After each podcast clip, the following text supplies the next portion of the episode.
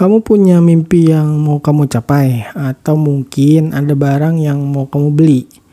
Nah, di konten ini saya akan bahas mengenai goal based investment, suatu investasi yang ditujukan untuk mencapai tujuan hidup kita.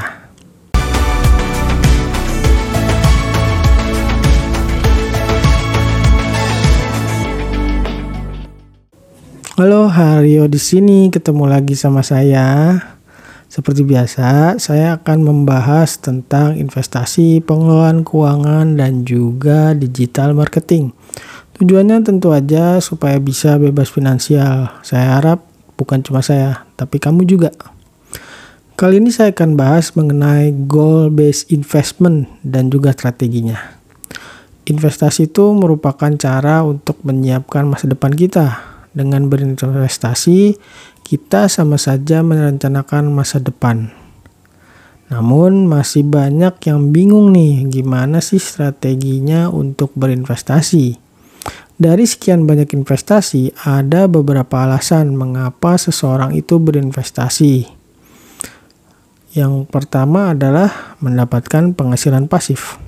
Penghasilan pasif merupakan penghasilan yang didapatkan ketika kamu nggak kerja lagi atau tanpa kamu bekerja uang datang. Nah, salah satu tujuan dari investasi adalah untuk mendapatkan penghasilan pasif. Coba bayangin, pas kamu lagi tidur, uang tetap datang.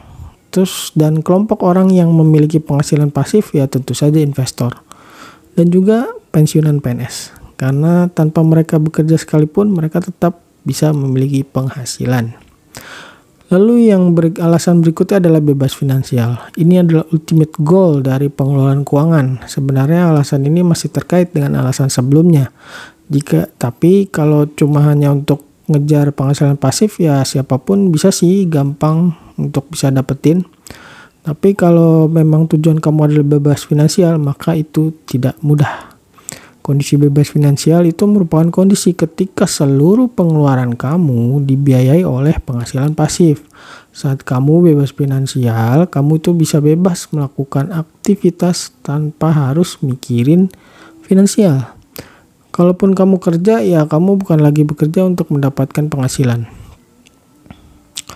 Lalu alasan berikutnya adalah memiliki suatu tujuan. Investasi ini disebut juga dengan goal based investment. Jadi sederhananya kamu berinvestasi tapi karena memiliki tujuan atau target yang memang ingin kamu capai. Misalnya kamu pengen beli sesuatu atau pengen menyekolahkan anak.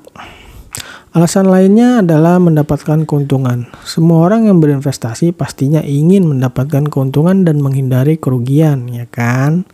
Namun sayangnya nggak ada investasi yang tidak memiliki resiko. Ketika kamu memutuskan untuk investasi ya jangan cuma bayangin saat kamu untung aja, tapi pikirin juga resiko kerugiannya. Alasan lain adalah ingin kaya. Ya hampir semua orang ingin menjadi kaya, tapi gimana caranya? Salah satunya adalah dengan berinvestasi. Selain berinvestasi, agar kamu bisa jadi orang kaya, kamu bisa dengan berbisnis. Kalau kamu cuma mengandelin dari pekerjaan sebagai karyawan, ya peluangnya juga kecil untuk kamu bisa jadi orang kaya. Karena untuk bisa menjadi orang kaya melalui jalur karyawan, kamu harus mendaki melalui jalur karir untuk menjadi top manajemen di tempat kamu bekerja. Akan lebih mudah kalau kamu menempuh jalur investasi untuk jadi orang kaya. Lalu alasan lain adalah mengikuti tren. Ini merupakan alasan paling tidak tepat untuk berinvestasi. Kenapa gitu? Karena ya kamu cuma ikut-ikutan aja kan. Pas foto kamu hijau, kamu pasang di status. Pas foto kamu lagi merah, kamu nggak update status kamu. Keputusan investasi pun dasarnya ya cuma ikut-ikutan aja. Misalnya ada investor, influencer bilang saham A, beli saham A, kamu ikut beli saham A. Padahal kamu tuh nggak tahu apa dasarnya beli saham itu. Dari beberapa alasan itu, saya akan bahas secara spesifik mengenai goal based investment sama strateginya juga. Yang jelas strategi pertama adalah ketahui posisi keuangan kamu. Kamu perlu mengetahui posisi keuangan kamu saat ini. Ini tuh penting banget Coba kalau kamu nggak tahu posisi keuangan kamu, kamu nggak tahu harus mulai dari mana dan masalah apa yang kamu hadapi. Kalau kamu tahu posisi keuangan kamu, paling enggak kamu itu tahu berapa hutang yang harus kamu cicil setiap bulannya, pengeluaran mana yang bisa kamu hemat, dan apakah kamu harus menambah penghasilan atau enggak.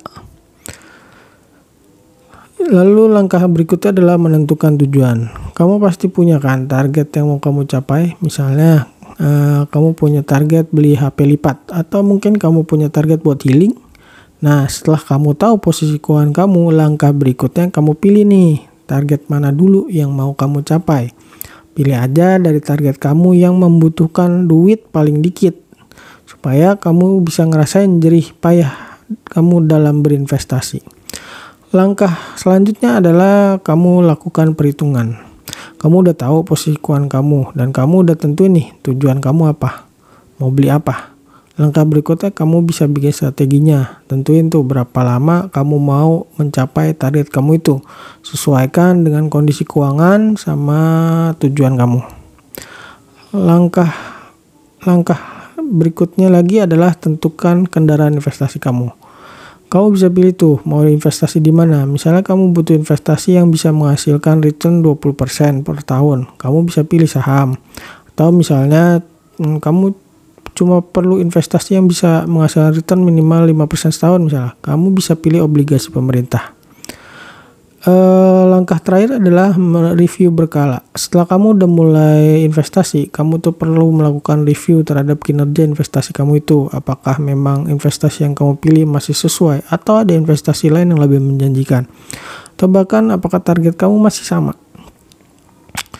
Salah satu cara untuk mencapai tujuan atau target atau mungkin mimpi kamu adalah dengan berinvestasi. Pada dasarnya, goal based investment merupakan strategi investasi untuk mencapai goal atau tujuan hidup kamu. Dan karena tiap orang punya perbedaan tujuan hidupnya, maka strategi investasinya pun akan berbeda. Hal yang paling penting adalah kamu harus merencanakan keuangan kamu, mencatatnya dan secara rutin mengevaluasinya, serta kamu harus berkomitmen dengan tujuan investasi kamu itu.